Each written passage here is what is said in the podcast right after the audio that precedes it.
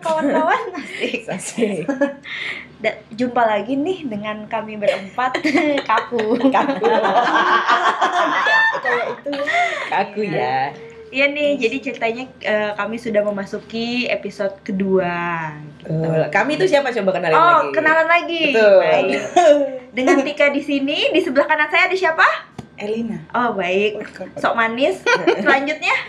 Ada Fitri, halo. Halo, dan saya Anggi. Ya, oke. Masih sama kok ini formasinya, belum berubah dari Belum pekan nama. lalu. Oke, lanjut.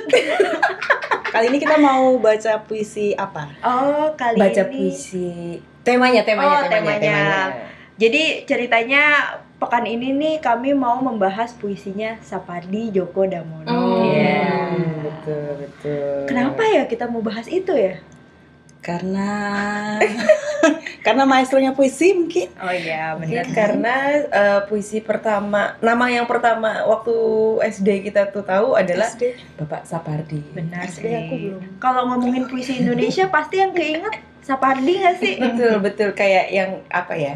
Entry point kali ya Iya. sebutannya. Ha-ha. Oh SD itu mungkin karena singkatannya SDD.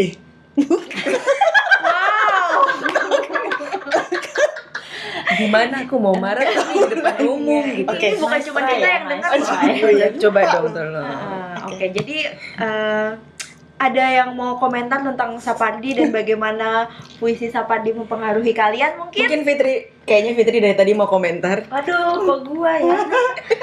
Enggak sih, eh, sebenarnya apa ya, menurut gue sih wajar aja kalau kita di pas tema pertama ini eh, mengambil nama Bapak Sapardi karena sebagian ini juga sebagai apresiasi kita terhadap karya-karya beliau yang Hmm, udah betul, betul.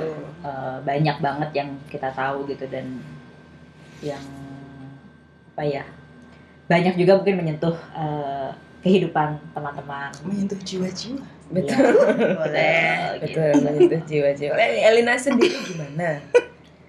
Idem. Enggak jangan. Coba dong, Oke. coba dikeluarkan buah Um. pikirannya dong. Eh, karena kalau buat aku pribadi, kalau ngomongin puisi yang teringat pertama adalah Pak Sapardi. Hmm. Karena sangat mungkin banyak banyak orang yang sudah tahu puisinya beliau ya, terutama yang hujan di bulan Juni. Hmm. Eh, aku ingin mencintai usia Oh iya, betul. Pernah dengar, Iya, iya. iya, iya. itu sangat populer ya Iya. itu aja maksudnya langsung ketangkap aja mungkin nah kali ini kita mencoba mengapresiasi beliau Begitu. Baik. Kalau lo Anggi Andra kenapa? Kalau saya apa ya tadi seperti yang udah eh, gue bilang sih kayak waktu SD nama nama penyair nama penyair Indonesia pertama yang ada di buku SD tuh seingat gue ya Bapak Sapardi ini dengan yang sekalinya puisi rada berat berat gitu ya quote unquote berat gitu ya Bapak Sapardi ini dan memang kayaknya paling apa ya? Nama paling aman untuk disebut gitu loh. Kalau untuk siapa sih? Misalnya misalnya ditanya siapa sih penyair Indonesia? gitu. Oh iya Sapardi Djoko Damono. Tuh kayak udah.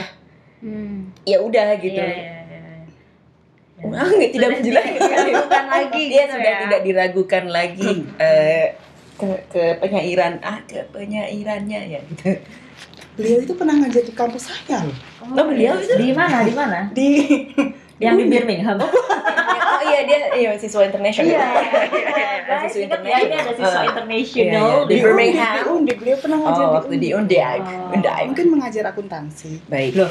oh bukan Oke. Tika sendiri gimana? Oke. Jangan buang body.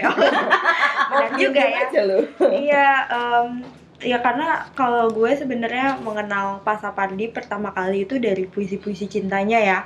Zaman dahulu kala saat jadi bucin gitu, Oh, kapan tuh? Boleh dikorek dikit. ya zaman-zaman remaja gitulah Hmm, kira-kira eh, membaca Oke. itu. Terus eh, pas masuk kuliah eh, semakin akrab karena pas itu kan populer Ari Reda kan. Hmm, Oh, musikalisasinya. Ya eh, dan dari musikalisasi puisi itu jadi kayak lebih tahu banyak lah ya karena kan masih cetek gitu ya jadi dengernya dari musikalisasi puisi dulu gitu dan ternyata Pak Sapardi juga mengakui gitu bahwa eh, dia pernah berterima kasih sama Ari Reda katanya Hmm. yang bikin puisinya populer tuh salah Hmm. Iya duanya adalah Betul, mereka betul, Dia gitu. Iya, iya, iya. musikalisasi karena musik itu memang bisa lebih cepat di ini sama orang gitu ya orang maksudnya lebih lebih lebih mudah menyukai musik daripada puisi gitu. Iya. Iya, iya, iya. Lebih Jadi anak-anak apa ABC, ABCD kan gara-gara musik. Betul, betul, betul. Ya udah Eh, contohnya Elina bener cuma kenapa like why Nah, tapi tapi soal musikalisasi puisi ini juga menarik karena di episode lalu cah ceritanya mau bikin hook gitu Oke. tapi di episode lalu juga kan Gak Ah. pakai diomongkan ya. ya juga kita cut aja nah di episode lalu itu kan kita juga sempat ngomongin tentang apa puisi yang gue ambil itu juga dari musikalisasi puisi kan Betul. tapi ya lalu tapi ya bener sih kalau musikalisasi puisi itu adalah salah satu media, Media. yang menarik Betul. buat apalagi khususnya orang yang memang sangat awam gitu sama puisi Benar. atau tidak begitu suka membaca gitu kan mungkin nextnya bisa kita bahas bikin satu tema kalian tentang musikalisasi Bisa. setuju, mungkin. setuju. gimana audiens kita Sekarang kita coba-coba musikalisasi juga. Oh, Eh, jangan nanti jangan? Mungkin Mungkin jangan kita nanti ada siapa gitu Oh, teman iya, kita aja iya, gitu, iya. bintang tamu Kita- bintang tamu kita ada. bisa nyanyi Kalau Iya. kita nanti Spotify-nya drop. iya bisa tapi nggak cuma di Spotify Ya sekarang naik aja ya. eh optimis optimis Optimis. oke kalau gitu gimana? Langsung aja Langsung kali aja ya, ya. mulai membacakan puisi gimana? Boleh. Boleh. boleh. Dari? Dari Fitri aja kali ya biar gini. Biar atau gini. atau enggak? Dari Fitri boleh. Dari Fitri aja udah ya tinggal disebut. baca. Oke, eh aduh, gue pilih satu puisi yang sangat pendek dari Pak Sapardi, tapi yang kata-katanya. Oh, kalau kamu kan rebahan. Oh iya, Loh, ini kan episode Ini baru udah dong. episode Oh, baru. iya baru. Oh, aku pikir itu akan dibawa. Oke, udah. Ganti. Sip. Se- Sekarang.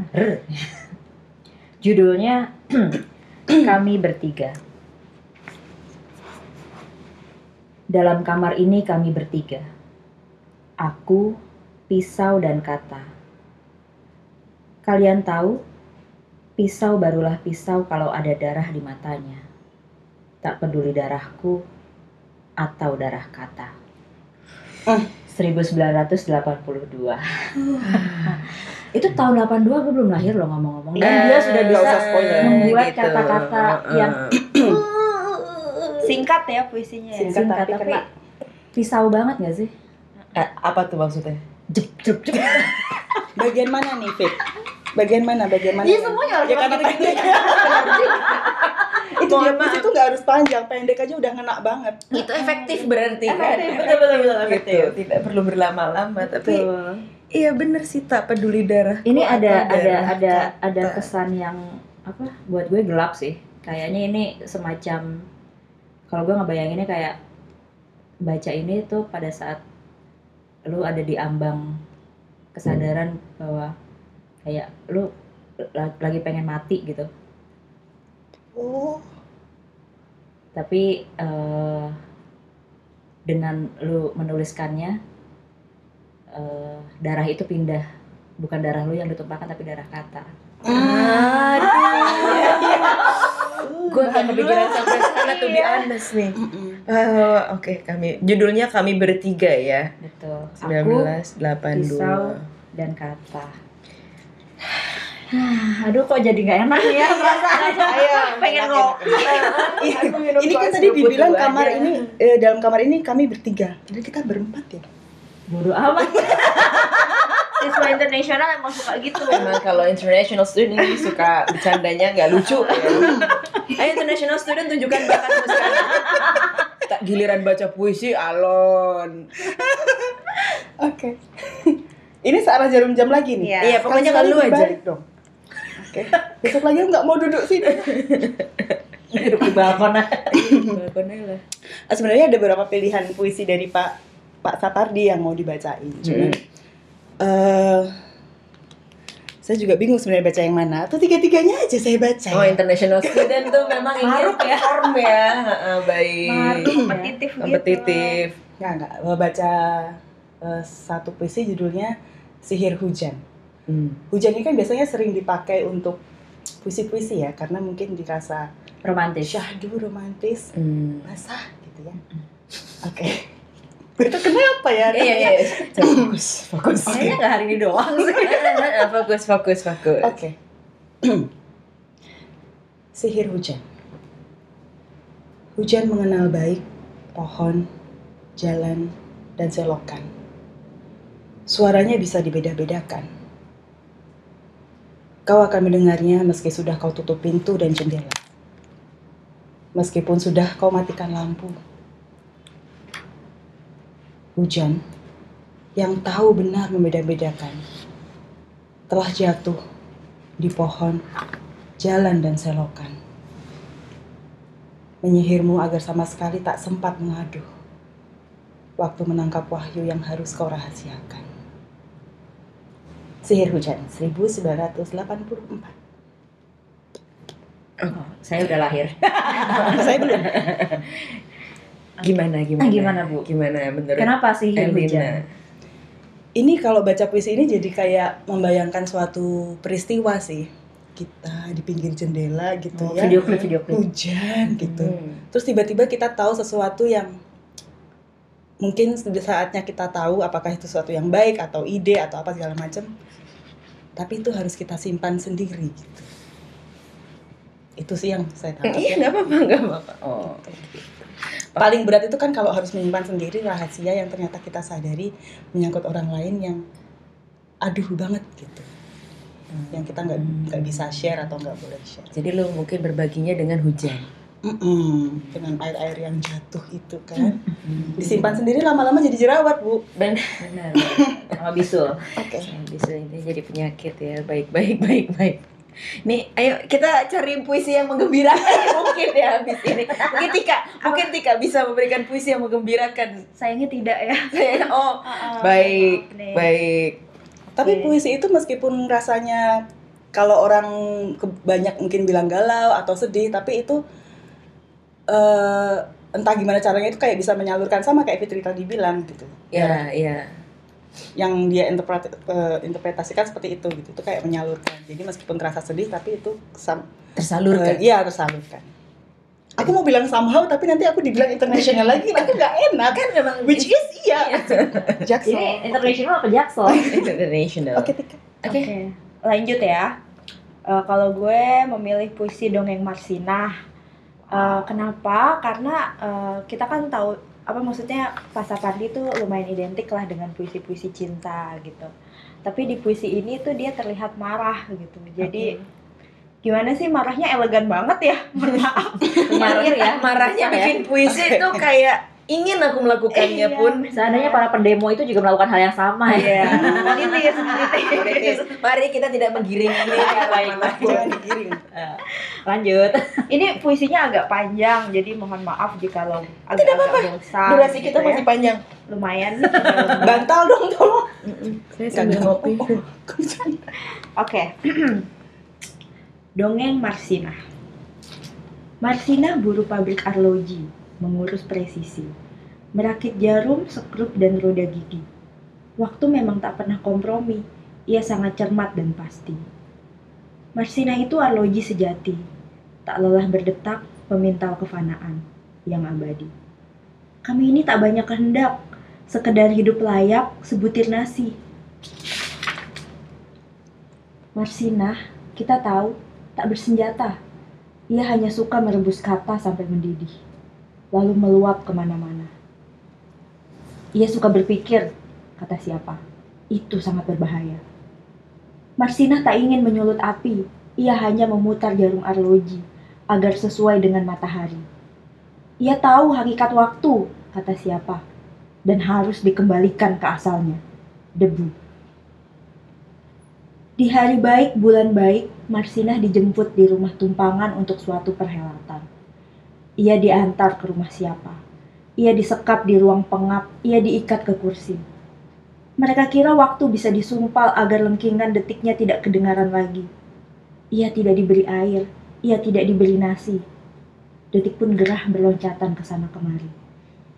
Dalam perhelatan itu kepalanya ditetak Selangkangannya diacak-acak dan tubuhnya dibiru lebamkan dengan besi batangan.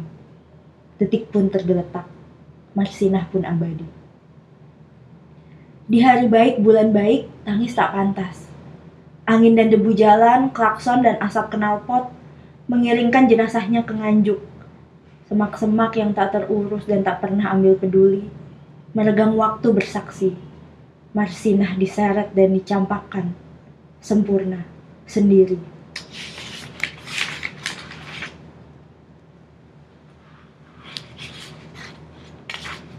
Pangeran, apa sebenarnya inti kekejaman? Apakah sebenarnya sumber keserakahan? Apakah sebenarnya asas kekuasaan? Dan apakah sebenarnya hakikat kemanusiaan, Pangeran? Apakah ini? Apakah itu? Duh, Gusti. Apakah pula makna pertanyaan? Saya ini Marsina, buru pablik arloji. Ini sorga bukan? Jangan saya diusir ke dunia lagi. Jangan saya dikirim ke neraka itu lagi. Malaikat tak suka banyak berkata. Ia sudah paham maksudnya. Sengsara betul hidup di sana jika suka berpikir, jika suka memasak kata. Apa sebaiknya menggelinding saja bagai bola sodok, bagai roda pedati? Malaikat tak suka banyak berkata. Ia biarkan gerbang terbuka. Saya ini Marsina. Saya tak mengenal wanita berotot yang mengepalkan tangan yang tampangnya garang di poster-poster itu. Saya tidak pernah jadi perhatian dalam upacara dan tidak tahu harga sebuah lencana. Malaikat tak suka banyak berkata, tapi lihat, ia seperti terluka. Marsina itu arloji sejati, melingkar di pergelangan tangan kita ini. Dirabanya denyut nadi kita dan diingatkannya, agar belajar memahami hakikat presisi.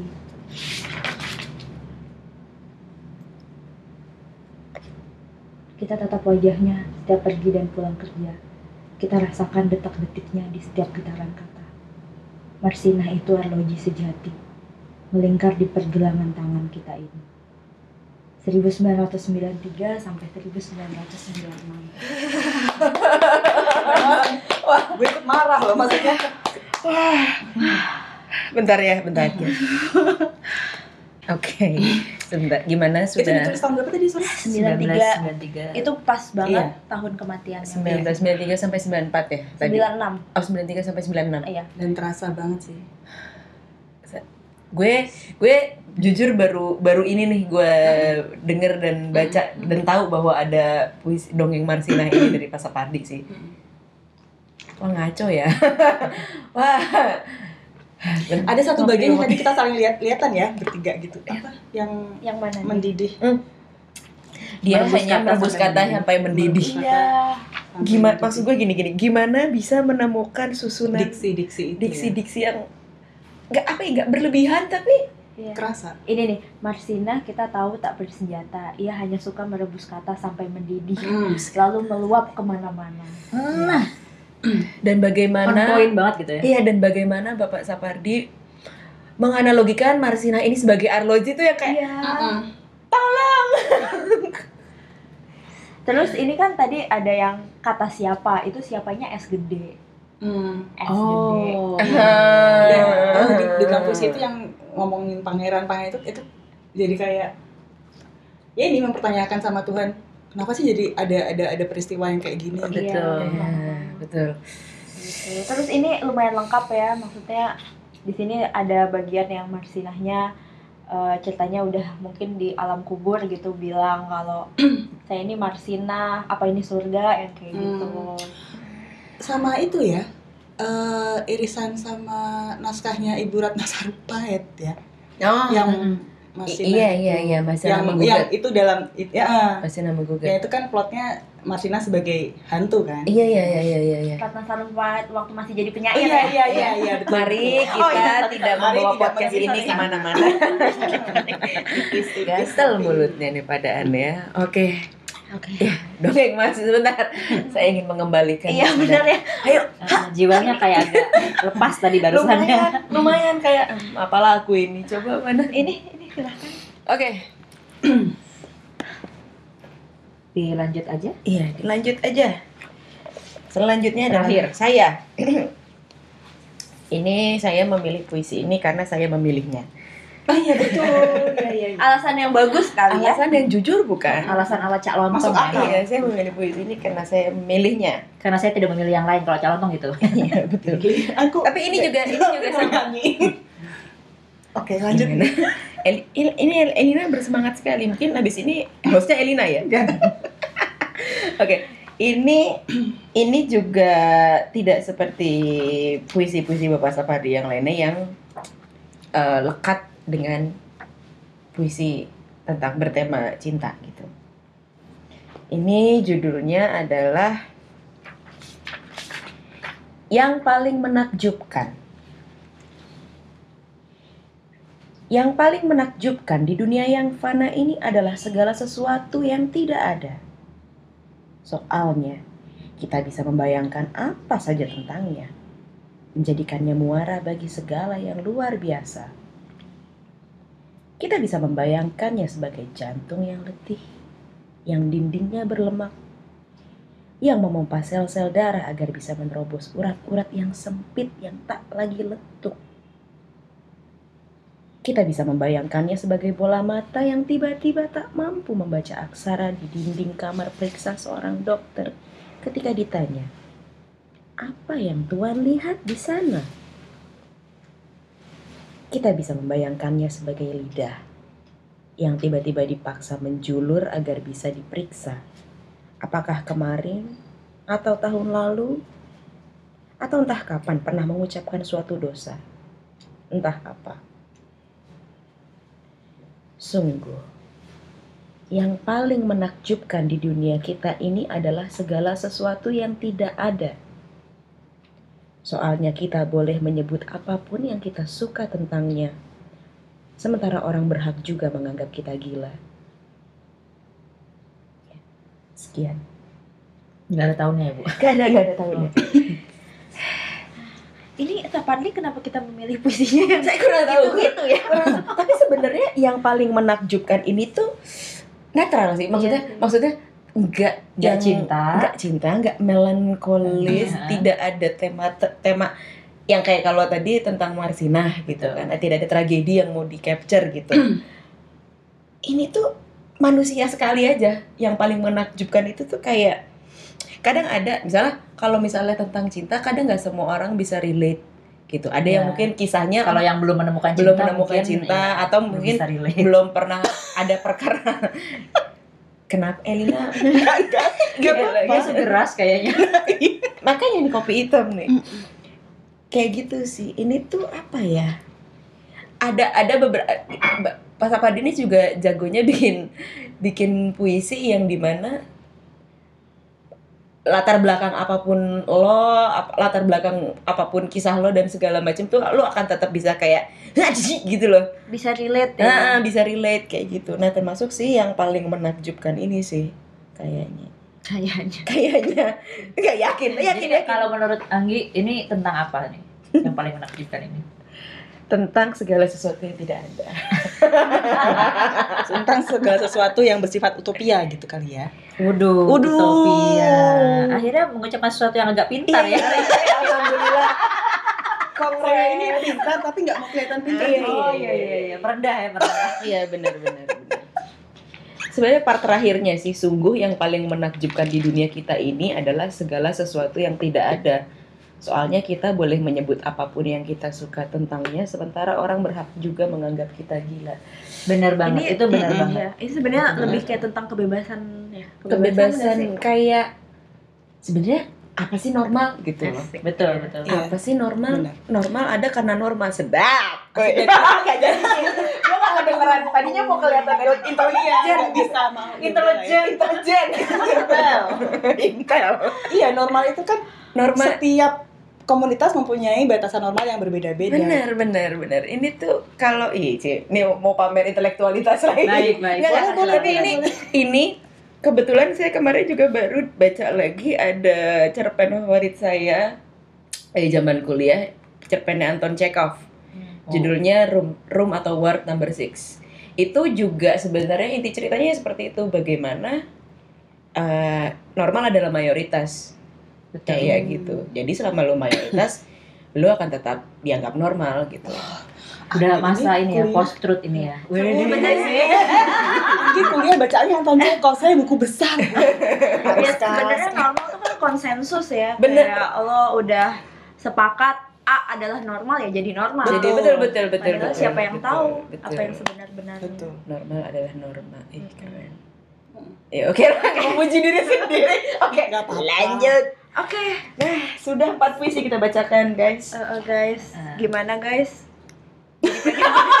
Oke, eh, ini eh, apa?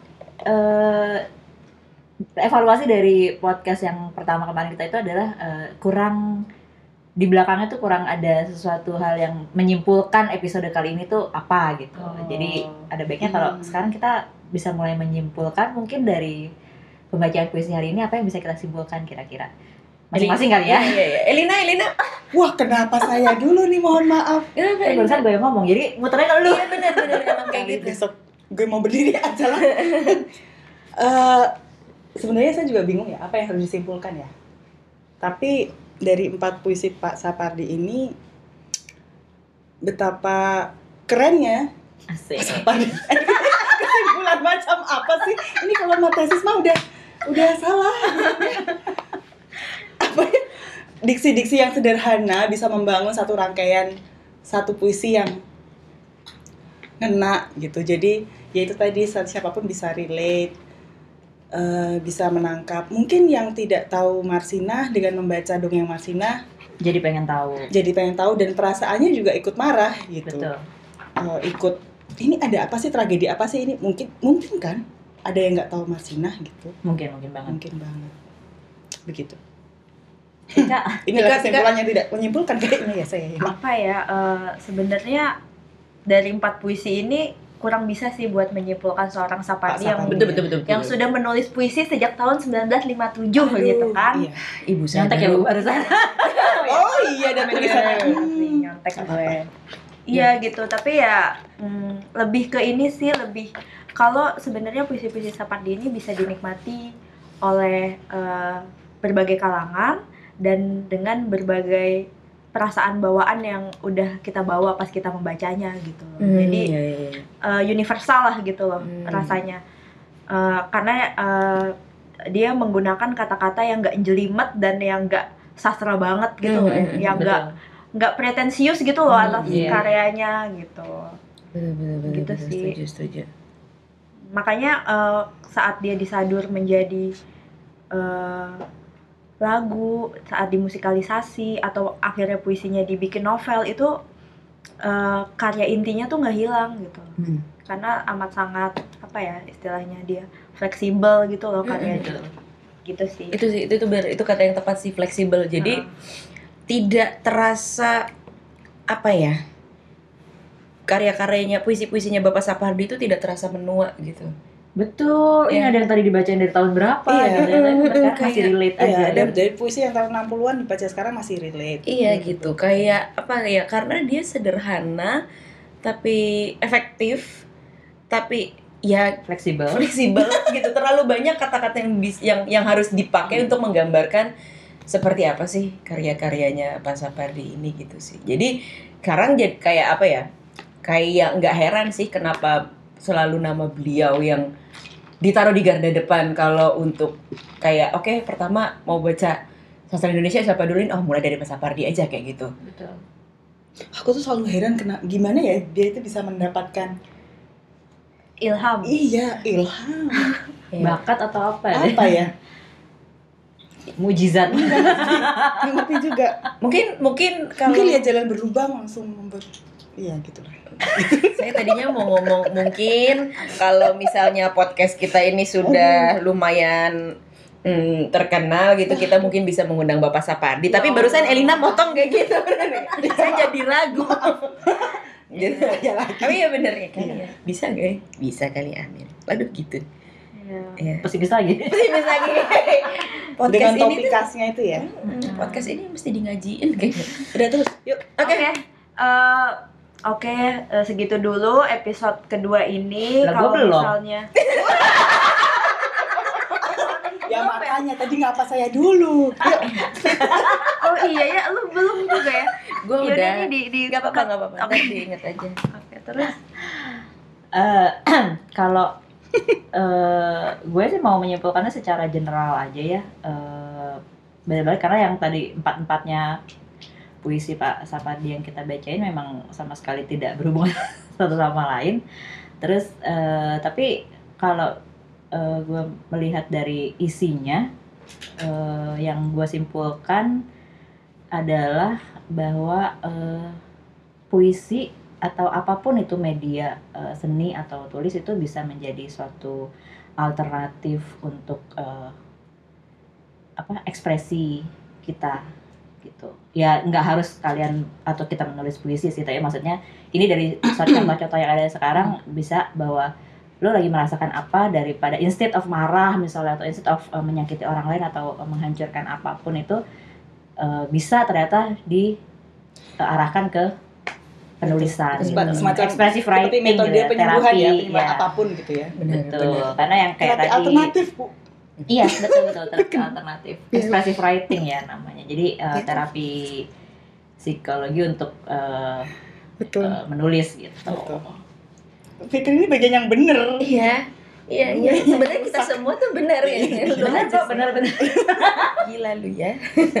Oke oke oke. Gitu aja kalau dari gue kesimpulannya ya bukan berarti harus nulis puisi tapi nulis mungkin bisa ya. menjadi uh, Alternatif. alternatif, bisa mulai di uh, manage untuk uh, mengekspresikan apa pun itu lewat uh, tulisan. Nggak harus dikeluarkan, nggak harus dibaca sama orang, buat sendiri pun itu akan sangat membantu sih buat teman-teman yang lagi struggling di luar sana. Oh. kita tuh selalu gagal sini membuat kasih virtual sini kasih virtual hat nggak salah salah lagi kan Oke, udah gitu aja. Silakan di udah ditutup kali ya, Bu. Udah kayak panjang ya. Iya, oke. Eh, jadi segitu dulu episode 2 Perpus ini. Nanti kita akan bertemu di episode-episode selanjutnya ya. Kalau Iya. misalnya ada saran bisa langsung aja di email di podcastperpus@gmail.com. Bener kan? nggak tahu Atau lihat ya? Apa? Apa purpose podcast ya? Ya antara dua Ya, itulah. nanti Pokoknya lihat aja di description di Spotify ya, yes geng. yes Oke. Terima kasih sudah Bye. Dadah.